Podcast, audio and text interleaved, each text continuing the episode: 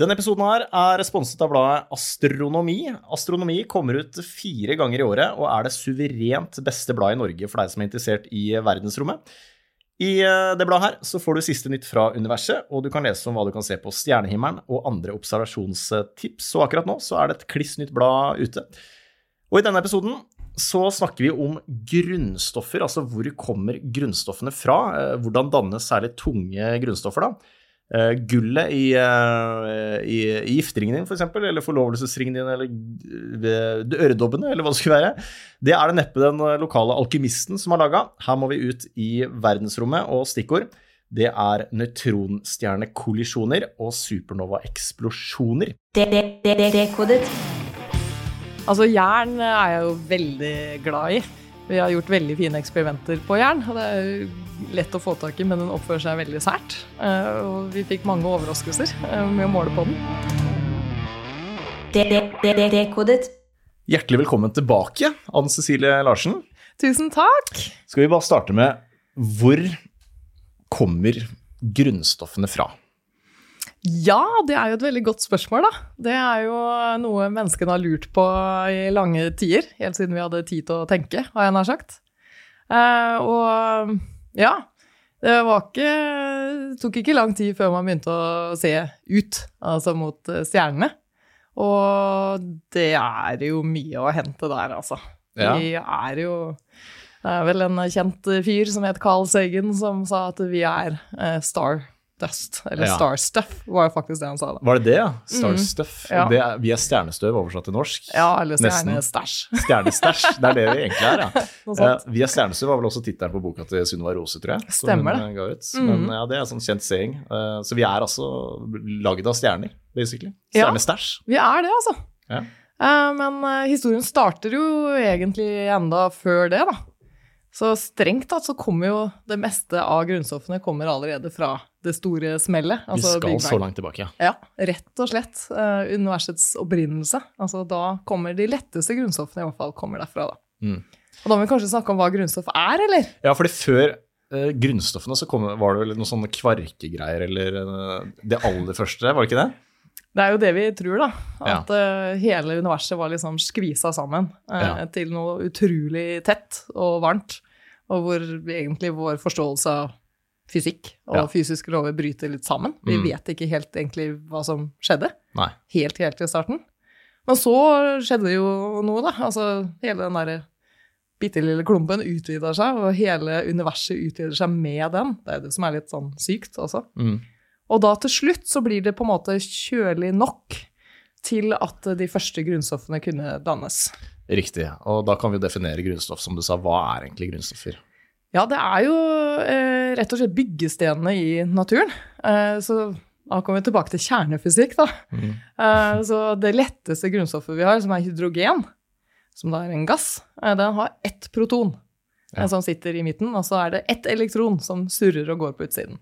Ja. Så det er liksom hydrogenatomet. Og så hvis man legger på ett proton til, da får man neste grunnstoff. Det er helium, mm. som også er en gass.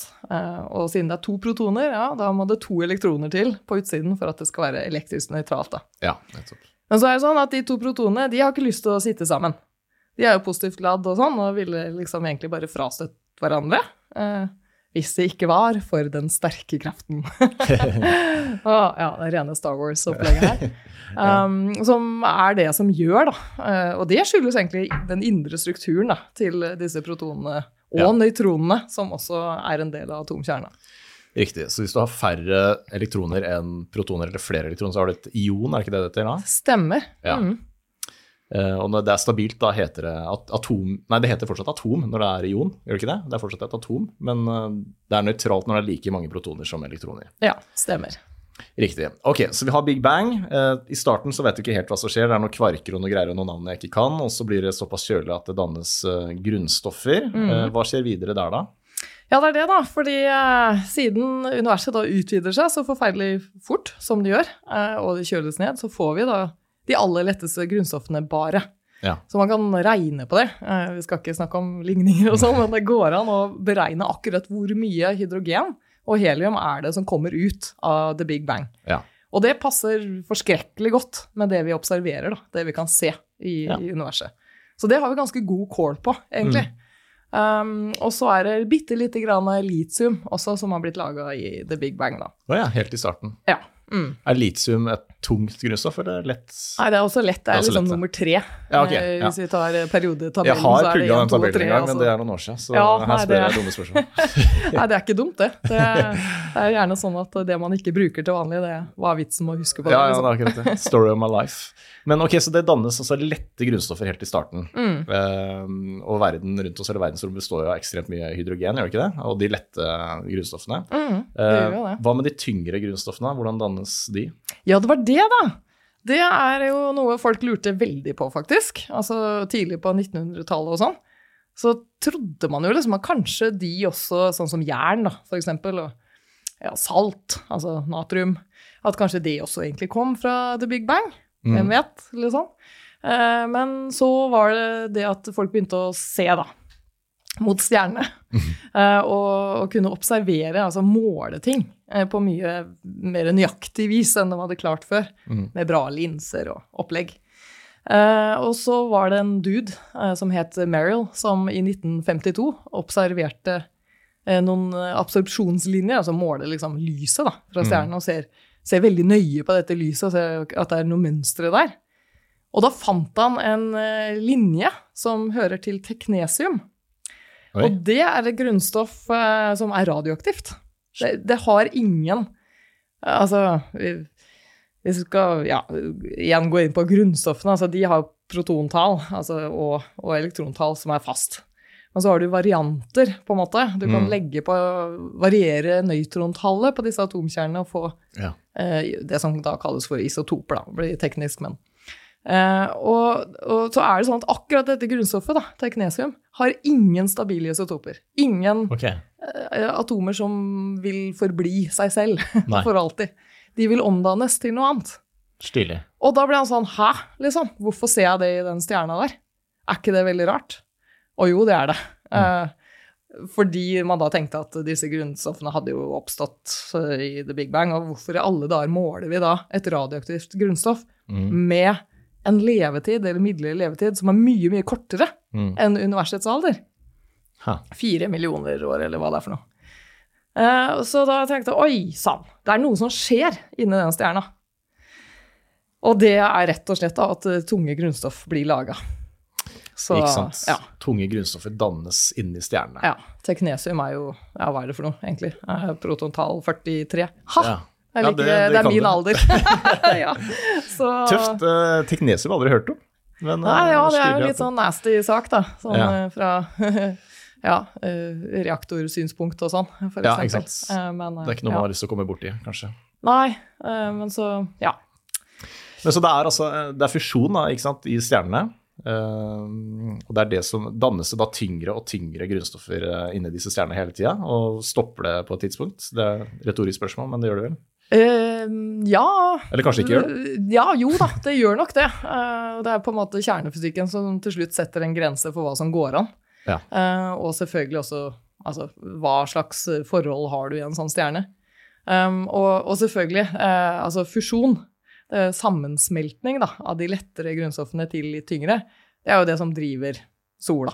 Ikke sant? Så Mm. det, det oppdaga jo forskerne tidligere, at ok, det var ikke køl som brant i midten av sola, det var ikke derfor han lyste, liksom. Det gikk ikke. Um, og så fant man jo ut at det var fusjonsprosesser. Mm. Uh, sammensmeltning og Einstein og E lik MC-an og sånn, som, som Mm. driver uh, sola, rett og slett som et fusjonskjernekraftverk, da. Um, og så, så det går fint, så man kan smelte sammen disse lette, veldig lette hydrogenkjernene til helium.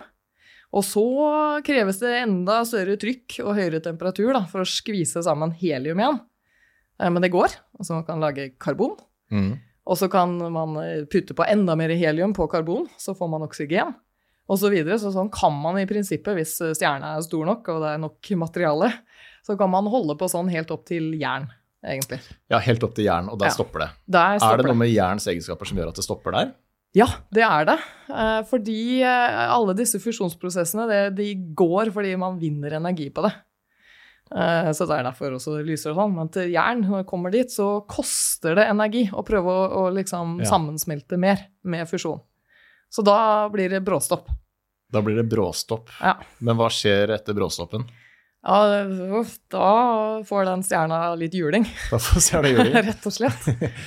Fordi da er det plutselig ingen flere fusjonsprosesser i senteret av stjerna. Det, da greier den ikke å, å på en måte motstå det trykket som kommer av gravitasjon. Altså den er jo en megasvær kladd som trykker på seg selv innover. Mm. Og så har du på en måte trykket utover pga. disse fusjonsprosessene, da, som gir et slags strålingstrykk ut, en balanse. Og så plutselig er ikke den balansen der lenger. Og så vom, så blir det en supernova. En eksplosjon. Da blir det en eksplosjon, ja. Ja, Så du har to press eller to trykk. da, Et trykk utover, og så har du gravitasjonen som trykker innover. Mm. Så Det er derfor sola for eksempel, er stabil. da, At den ikke kollapser seg plutselig, for det er to krefter som er i Nettopp. balanse. på en måte. Ja. Men sakte, men sikkert så, går, så er det sånn at gravitasjonen vinner pga. disse fusjonsprosessene. Ja. Kan man si det? Ja, til slutt. Så Til slutt, ja. når det ikke er mer å fusjonere, på en måte. Når det ikke er mer å fusjonere, Ja. når det bare er en jernklump i midten, og så Stemmer. tar gravitasjonskreften over, og så bang, får vi en supernova. Ja. Uh, hva skjer da? Ja, da er det også morsomt. For da kan det også skje masse Ja. i disse litt ytre lagene, da. For dette her skyldes jo på en måte hva som skjer innerst i stjernen. Men altså, denne eksplosjonen blåser jo liksom gjennom laga. Uh, mm. Man ser jo ofte sånne ja, Hvis du går på Wikipedia og ser på stjernestruktur, sant, så er det sånn Ser ut som en løk. Mm. At du liksom har en jernkjerne i midten, og så har du løklag utover med på en måte lettere og lettere grunnstoff. da. Og så blåser på en måte den eksplosjonen gjennom hele den løken. Mm. Og så får man laga masse fine grunnstoff da også. Så det er mye karbon for eksempel, som kommer også fra supernova-eksplosjoner. Ja, ikke sant? Så da går det baklengs nærmest, da, for karbon er vel lettere enn jern. Ja. Så når Mm. karbonet er brukt opp inni stjerna, og så er det bare jern igjen, og så smeller det, og så blir det danna nytt karbon i en supernova. Ja, men da i de ytre laga, de ytre ikke inne i midten. Nei, ikke sant? For den midten, den er veldig rar. Der skjer det mye rart. Ja, der er det noen sånne nøytron, nøytroner eller noe sånt, er det ikke det? Ja, der nettopp da blir trykket så stort at disse elektronene eh, skvises inn i protonene. Mm. Og så får du veldig mye nøytroner.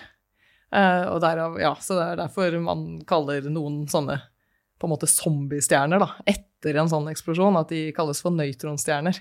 Nøytronstjerner. Ja. Og et nøytron er vel stabilt, er det ikke det? Eller nøytralt, er kanskje det riktige ord. Ja, det er nøytralt, Ja. og det er stabilt hvis det har en protonvenn eller flere. Ok, Fordi hvis du flagrer rundt med et løst nøytron, det liker seg ikke i det hele tatt. Nei. Eh, Så da etter 15 minutter eh, i gjennomsnitt, eh, så vil det omdannes til et proton, faktisk. ok, ja. Så, men hvis den har selskap, eh, den er selskapssyk, det er en nøytrone, så sammen med et proton, eh, eller flere, og flere andre nøytroner også, da holder den seg eh, som et nøytron og forandrer seg ikke. ja. Heter det da fortsatt nøytron? Men Ja. det er bare en større klump med nøytroner som har protonvenner, som er limt inne Ja, det er flere av dem, Flere rett og slett. Ja. Mm. Uh, og sånne nøytronstjerner, uh, ja, hvor svære er de egentlig? Altså, etter en supernova så dannes det en nøytronstjerne.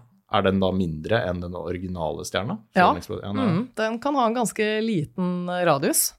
Uh, uff a meg, det er sånne tall som jeg aldri helt husker, men Nei, nei, er fryktelig små, egentlig. Liksom. Okay. Uh, og for, med en forferdelig høy tetthet. Altså, ja, enormt. Det er Mm. sånne tall som jeg også burde huske, som jeg aldri husker. Hvor mye en sukkerbit av en sånn. Men det er liksom, ja, forferdelig masse, masse, masse kilo. Ja, det er ikke sånn info okay. man trenger i dagliglivet, kanskje. Nei, men uh, nei mer da. til uh, Trivial Pursuit. Men er det ikke, ja, off, var det ikke liksom uh, hammeren til uh, Saw, liksom? Uh, Ja, var laga av sånn nøytronstjernemateriale? Ja. Og noe greier. Ja, ja, uff a meg. Det var en eh, digresjon. Men det er i hvert fall veldig tett uh, materiale, da. Veldig rar eh, stjerne. Vi skjønner jo oss heller ikke veldig godt på hva som skjer i en nøytronstjerne, egentlig. Nei, riktig. Så. Det er noen ubesvarte spørsmål der. Ja, det er det. Men kan den nøytronstjerna kollapse? Eller uh, Ja, den kan jo ha en partner, da. Ja. For det, det viser seg jo at altså, vår stjerne er jo alene. Den er liksom stjerna, sola, og så er det planetene som surrer og går rundt. Eh, Men veldig mange stjerner har en eh, kompanjong, så de går i sånne binære systemer, som det heter. Altså. Så hvis én stjerne i et sånt system av to har smelt mm, og blitt en nøytronstjerne, så har kanskje ikke den andre gjort det ennå. Nei. Og da er det flere ting som kan skje, avhengig av hvordan den andre stjerna er. da. Hvis den også går supernova, f.eks., det kan skje. Og så blir det to nøytronstjerner som driver og surrer og går. Da blir det action. Da blir det action, nettopp fordi etter hvert Fordi de driver og sender ut gravitasjonsbølger. Det var også Einstein som forutså. Eh, og til slutt så vil de spiralere inn og kollidere med hverandre. Så Ja. nøytronstjernekollisjon. To nøytronstjerner som kolliderer. Så da får du Hva skjer når de kolliderer? Får du en ny eh, supernova, da? Eller en ny eksplosjon? Eh, Ja, eh, det kalles liksom ikke supernova, da. Eh, For da er det to nøytronstjerner som kolliderer. Men da har du forferdelig masse nøytroner tilgjengelig. Ja. Og det trenger du. Det trenger du. ja, For å få laga de aller tyngste grunnstoffene, altså sånn som gull og platinum og sånn. Ja. Gullringer og Og ikke minst også thorium og uran, da. Eh, De aller, aller tyngste grunnstoffene som er sånn Ja, de er jo ikke egentlig stabile, men de har fryktelig lang halveringstid, så de er nesten Ja. stabile. Så det er eneste måten, tror vi nå, da, at kanskje, eh, kanskje, det er et stort spørsmål, eh, at det er akkurat sånne sære steder da, som to nøytronstjerner som kolliderer, som Ja. har laga disse her. Stilig. Men den eksplosjonen som oppstår da, er den kraftigere enn supernova-eksplosjonen? Er den enda større, eller er den, vet du det? Ja, den er ganske vill, Ja. uh, i, hvis man måler på en måte hvor mye energi uh, som blåses ut, da, for å si det sånn. Ja, Det er jo sånne gamma eh, jets ikke sant, som spruter ut. Uh. Vi skal være veldig glad for at ikke vi på jorda, liksom, satt i en sånn posisjon at vi ble bestrålt. eh, Med den strålen. Eh, Da kan vi snakke om death race og sånn. Ja. Ja. Eh, og det, ja, fordi de ble jo observert. Det var så fantastisk. For første gang for fem år siden, eller seks år siden er det nå, i 2017. Fordi det var jo liksom bare sånn teori at ja, vi tror at nøytronstjerner kan kollidere, og at da kanskje kan tunge grunnstoff lages. Fordi det var kjempekrangel. Forferdelig krangel. Okay. Eh, og det er fortsatt krangel Noen som nekter å innse det? Ja. Ja, sånn, altså, hvorfor i alle dager trenger man å tenke på nøytronstjerner? Kan ikke supernovaer eh, lage disse tunge grunnstoffene? Og i lærebøkene, så, i hvert fall for noen år siden, så sto det fortsatt, og det var lærebøker vi bruker på Universitetet i Oslo, at ja, det er supernovaer som lager alle tunge grunnstoff. Det er bare tull. Vet du hva, det er, for jeg så jo Jeg forbereder meg med å se mye på YouTube, og da så jeg en syv år gammel YouTube-film om hvordan gull lages. Og da, hvis jeg husker riktig, så var det De mente da at det var, først var en supernova, og så dannes det tynge, tunge grunnstoffer da, rett Mm. etter det.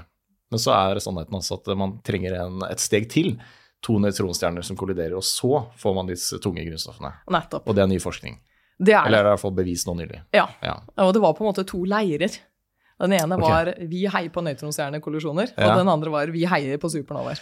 Uh, og de, der har vært mye krangel. Uh, Ja. Og de Ja, nå, nå er det på en måte ett datapunkt. det er ja, ett bevis. Men det er fortsatt noen uh, som sitter og nekter å innse det, eller? Ja, fordi Klassisk sånne ja, forskere som er litt biased. ja, jo, det kan du si. Jeg tror alle er enige om at den nøytronstjernekollisjonen, det var ikke noe tvil om at der ble det laga grunnstoff, for det, det ser vi. For den sendte ut lys, og dette lyset som vi klarte å måle, var på en måte et fingeravtrykk av disse tunge grunnstoffene. Så, Ja. så det er på en måte udiskutabelt. Men problemet er tid. Fordi det tar jo tid for denne stjernesaken. Og disse to stjernene da, som da går i bane sammen. Først skal den ene eksplodere, og så skal den andre eksplodere. Og så skal de surre og gå en god stund til de har på en måte avgitt nok gravitasjonsbølger til at de kommer nær nok til å kollidere. Og så er det sånn at hvis man kikker ut på vår galakse Altså vi sitter og surrer i en sånn spiralarm i galaksen. Men hvis man kikker liksom langt ut, opp vekk fra disken på en måte, så er det disse som kalles for halostjerner, altså veldig sånn utkantstjerner. Sånn loners på kanten. De er skitgamle, de stjernene. Fryktelig gamle. Kanskje ikke sånn rett etter Big Bang, men ikke så veldig lenge etter heller. Og de er på en måte De forteller om når var det de aller første tunge grunnstoffene ble lagd. Og Ja. hva slags stoff er det, hva slags grunnstoff var det? Så der, når man ser på de, så ser man jo Oi, noen av de har jo masse av disse tunge grunnstoffene. Eller masse, de har lite, altså, i forhold til vår sol, eksempel. Men, men de har de. Yeah. Så det betyr at ok, så denne prosessen må jo ha skjedd ganske tidlig i på en måte universets historie. Okay. Og det passer ikke helt med det der bildet med at å, for det tar så grusomt lang tid, da. Ja. For disse her eh, binære systemene til å først eksplodere, og så skal de kollidere, og gud, og så skal de sende ut alt dette her. Så derfor er det på en måte ikke Nei. Det er ikke sånn nå vet vi alt. Ok, men kan man ikke tenke seg at, kan, at tunge grunnstoffer kan dannes på flere måter? da? To nøytronstjerner som sirkulerer rundt hverandre og spang, holdt jeg på å si, bang. Også, men også at eh, det skjer ved vanlige supernovaer, på en måte? Yes! Det er Ja. akkurat det man lurer på. Det er det Faktisk, lurer ja. Se der. Sikker på at du ikke skal bli forsker. Nei, jeg har, jeg har kjempelyst lenge, men jeg tror Ja. det er for seint. Altså, det, er, det er akkurat det, og kanskje ikke de på en måte, jeg håper å si vanlige, eh, disse core collapse supernovaene som vi trodde før, men kanskje er det noen litt sånn sære, rare supernovaer som ikke skjer altfor ofte, for det, det er også en ting. Vi ser jo at det er ikke liksom jevnt fordelt liksom bakover i tid. altså det, er, det har skjedd liksom av og til litt her og litt der, Mm. denne her eh, dannelsen av de aller tyngste grunnstoffene. Så vi må ha noen litt sånn sære hendelser. Ja, Uh, så det er noen kandidater, noen litt sånn raringer, som kanskje uh, kan være ansvarlig for altså de aller, aller første, på en måte. Ja. Hva tror du selv, da? Tror du det fins at det er sånne sære supernovaer som kan forårsake tunge grunnstoffer også, eller? Ja, jeg Er du tror den- på, den- alt. Du tror på alt, alt og ingenting? Fordi det, jo mer vi ser, og jo bedre data vi får, altså observasjoner, måledata, jo flere sære tilfeller dukker det opp. Så liksom, vi hadde et slags bilde eh, på la oss si slutten av 50-, 60-, 70-tallet som var ganske sånn klart. Vi kunne liksom dele opp, sant, sortere grunnstoffene etter ja, de kom fra den prosessen og den prosessen. Og, og så måler vi hva vi har på jorda, og måler meteoritter og sola og sånn, og så vet vi liksom Trodde vi. Trodde. at uh, ting er avklart. Men det er ikke sånn i det hele tatt. Det er jo den ene rare prosessen etter den andre som blir observert. Altså Hm. virkelig i, igjen i sånne gamle stjerner særlig. Da. De har veldig mye rart for seg, rett Mm. og slett. Så nei, det Ja. Både liksom fra sånn astrofysikk-side, så Uff. Ja, fryktelig mye kompliserte greier, og vi skjønner ikke. Og så har du kjernefysikk-biten av det òg, som er det jeg jobber mest med. Mm. Der skjønner vi heller ingenting. Det er jo ja, fint. det Det betyr at det gjenstår masse forskning, og du har jobb eh, Ja, det kan resten du av si. livet. ikke sant? Men la oss ta gull, f.eks. Hvordan, hvordan, eh, hvordan dannes gull sånn steg for steg etter at disse to Hvis vi tar utgangspunkt i disse to nøytronstjernene, da, Ja. som eh, Hva kalte du de? Det hadde et navn på det? ja Nøytronstjernekollisjon. Altså de spiralerer inn, på en måte, eller rundt. går i en spiral, Ja, og så blir det trangere det. og trangere, og så waff, Ja, og så krasj, eksploderer ja. det. fordi før den eksplosjonen så er det jo bare nøytroner. Og så blir disse nøytronene da til, eh, ja, til gull, da, f.eks.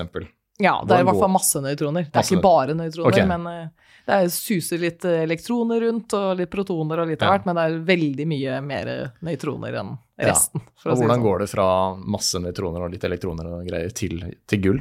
Så hva er Ja. prosessen her? Ikke sant? Er det temperatur som gjør det? Eh, det kan det være.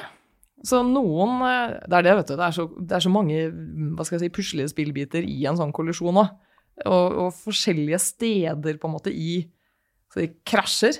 Og så har du liksom, får du en sånn slags eh, hva skal jeg si, disk eh, hvor det skjer masse greier. Og så spruter du ting liksom opp og ned fra kantene i kollisjon. Mhm. Um, og noen steder er på en måte der er det veldig, veldig varmt. Og andre steder, så fordi det ekspanderer så fort, altså blåses ut, Mm. liksom, så blir det veldig fort kaldt. Ja. Men fortsatt masse nøytroner. Uh, og da Det er jo kanskje de stedene da som sannsynligvis uh, er de stedene hvor du på en måte har atomkjerner som fanger nøytroner så fort at de ikke rekker å omdannes eh, til et stabilt grunnstoff. De bare Nei. blir så sykt uh, nøytronrike og ustabile. Ja. Og så wow, klatrer de liksom opp stigen, har jeg nær sagt. ja. Og plutselig så er jo nøytronene vekk. Da har du på en måte blåst ut så mye, du har ikke mer nøytroner fra nøytronstjernen igjen. Og så sitter de der, og oi, nå kom det ikke flere nøytroner. Og så, eh, smått om senn, jobber de seg inn og blir på en måte stabile grunnstoff. Ja, shit. Så det er atomer som nærmest spiser elektroner. Kan man si det? Ja, de spiser nøytroner. Eh, Nøytroner, mener Ja. jeg. Ja. Enorme mengder Enorme nøytroner. mengder. Så de får kanskje, hvis du har en, la oss si en jernkjerne, da, eh, som kommer ut av Ja, jeg skal, skal ikke snakke om sånn statistisk likevekt og alt dette, men eh, som kommer ut av den varme delen av, av kollisjon, for å si det sånn.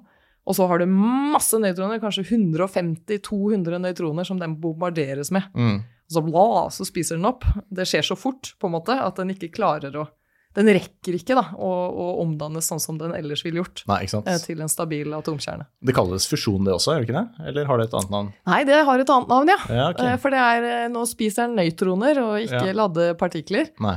Så det kalles uh, uh, Akkurat den prosessen vi har snakka mest om nå, da, kalles for den raske nøytroninnfangningsprosessen. Den raske nøytroninnfangingsprosessen, Ja. der bør dere komme opp med et litt Bah! enklere navn, som blir litt bedre på tunga. For kort så er det R-prosessen. R-prosessen. Ja. Ok, Um, stilig. Så det gullet som folk har eh, i øyedommene sine, i ringene sine, det, det stammer altså fra en eh, ja, sånn nøytroneksplosjon. Ja. Stilig. Og er det, For gull er jo så verdifullt, eller vi verdsetter det i hvert fall høyt. Er det fordi det er såpass lite av det, da? Eller er det bare at vi ikke har funnet alt gullet? Det er sikkert Ja, sjukt mye si gull der ute i universet. da. ja, det er, det er veldig mye. um, og det er jo egentlig ganske mye av det på jorda òg. Mm.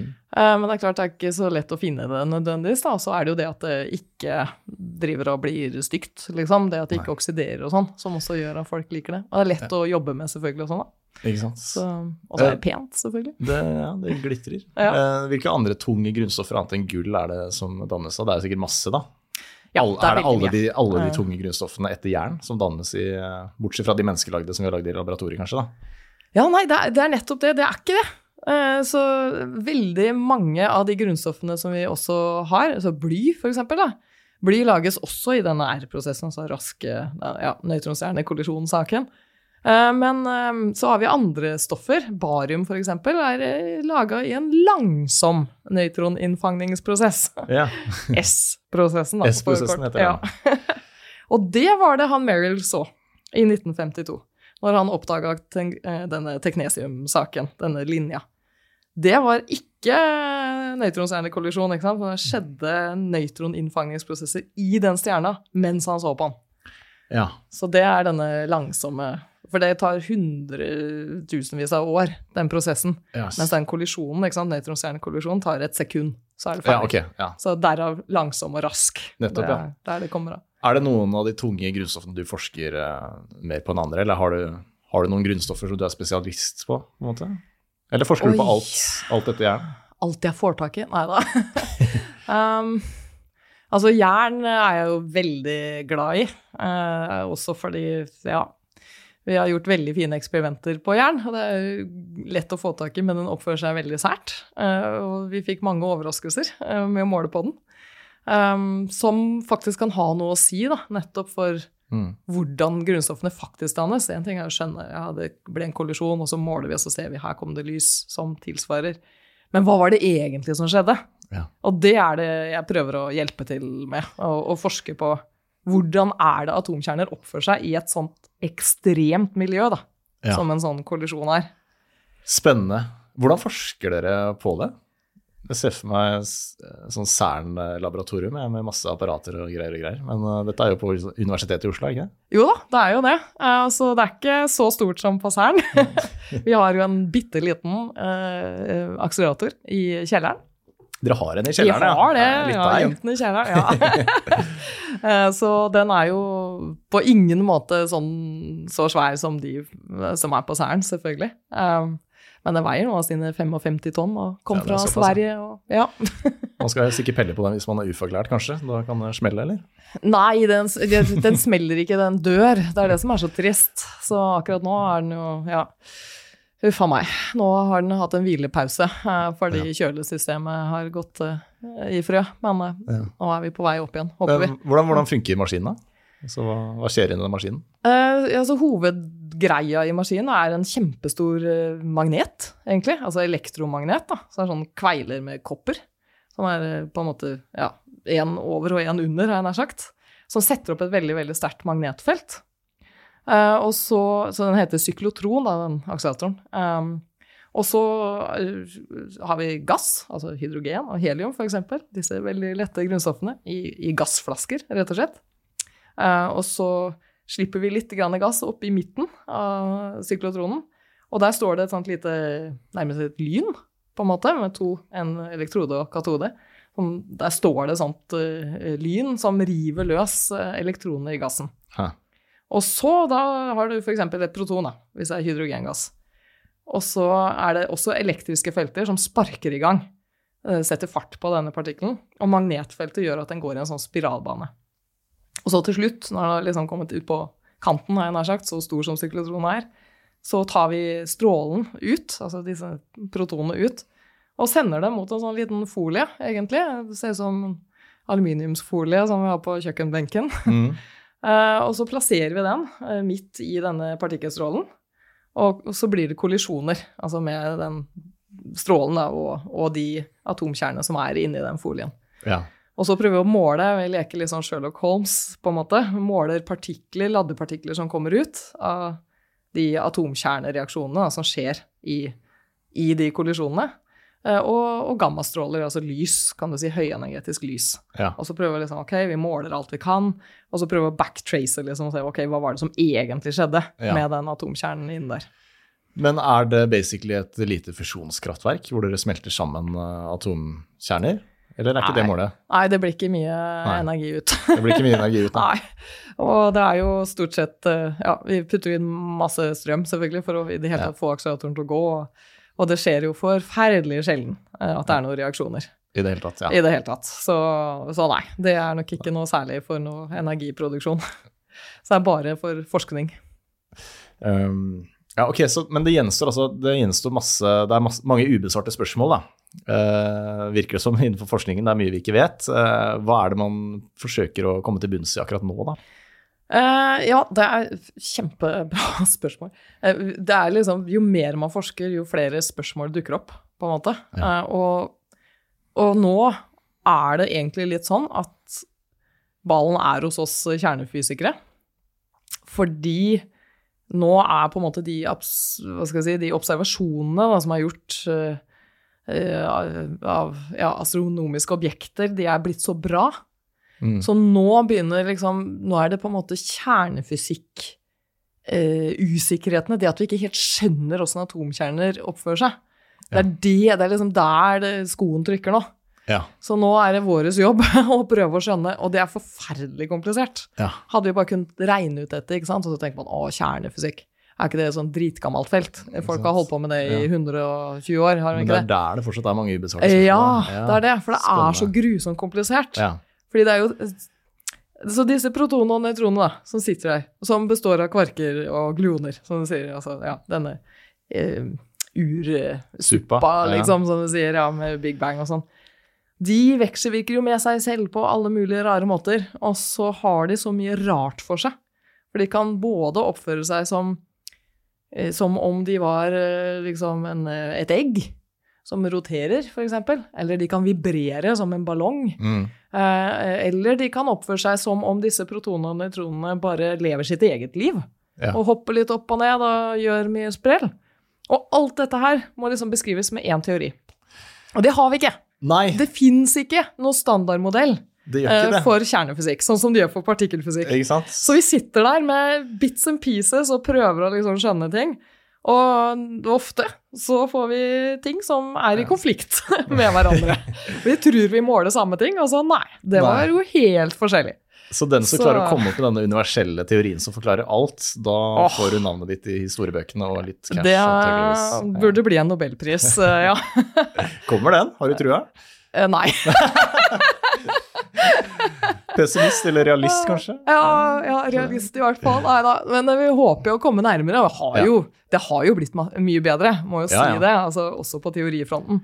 Um, det er bare det at de beste uh, teoretiske beskrivelsene av atomkjernene, det er for de lette kjernene, da. Ja, Så, så derfor skjønner vi jo de prosessene også ganske godt, ja det men det. ikke de der Nei, tyngste. ikke sant. Det er vanskelig Så- å forske på noe man ikke kan se, kan jeg se for meg. Eh, Ja, også særlig når modellene da av de på en måte divergerer, de går helt feil vei. De er kanskje en faktor 1000 forskjellige eh, Ja. prediksjoner, liksom. Eh, Så Ja. da står du der og lurer på, ok, så hvis du ikke har data, så vet du ikke hvem skal du velge. Så, så der er vi nå, vi prøver å måle, Ja. sånn at vi kan si at den teorien der er feil. Eh. Og den teorien er kanskje litt bedre, men ikke bra nok. Og så, okay, så må teoretikeren også jobbe selvfølgelig og finne ut av hvordan kan vi forbedre dette her. Ja. Og så prøve å putte alt tilbake da, inn i sånne store nettverksregninger. Eh, og prøve å si ok, dette var det som faktisk skjedde når nøytronstjernene kolliderte. Kan dere få hjelp av kunstig intelligens her, tror du? Nå som vi er midt i den kunstig intelligens-revolusjonen, kan det hjelpe dere? Ja, Til å og det- samle data systematisere og sånne ting? ja, og kanskje også hente ut informasjon Ja. eh, som vi fordi vi sitter jo litt fast, ikke sant. Det er typisk at man Ja, vi har noen teorier som vi tror på, eh, og så er det ikke perfekt. Men kanskje er det mer informasjon å hente i de dataene vi allerede har. Så det driver vi og jobber med. Det er veldig aktivt eh, forskningsfelt, faktisk. Så det kan godt hende det skjer noe Ja, framover nå. ja, spennende. fordi forskningsfeltet heter jo da kjerneastrofysikk. Det er Ja. veldig stilig. Er det, jeg har ikke hørt det før. jeg. Kjerneastrofysikk. Jeg tror en nesten ikke det er er et norsk eh, ord engang. Nei. Eh, Det heter nuclear astrophysics, Nuclear eh, astrophysics. på engelsk, og det er liksom etablert på engelsk. Ja. Men uh, i Norge så det er jo ikke så lenge siden vi begynte å forske på Ja. det, egentlig, her. Så, Og astrobiten den vet vi en del om, men det er kjernebiten som er komplisert her. ja. Ja. Og en astrofysiker ville jo sagt at astrobiten også er veldig komplisert. Det er mye å og det er sant, da. Så ja. Nei, men Spennende. Shit, det er eh, lærerikt. Um, Jeg konkluderer med at vi burde kalle Vi burde si 'Vi er stjernestæsj' i stedet for 'Stjernestøv fra meg'. Det låter mye kulere. Sunniva Rose burde endre navn på boka. Vi, er enig? Kanskje det er greit. Vi er stjernestæsj. Du, tusen takk for praten. Veldig lærerikt. Selv takk. Kjempehyggelig.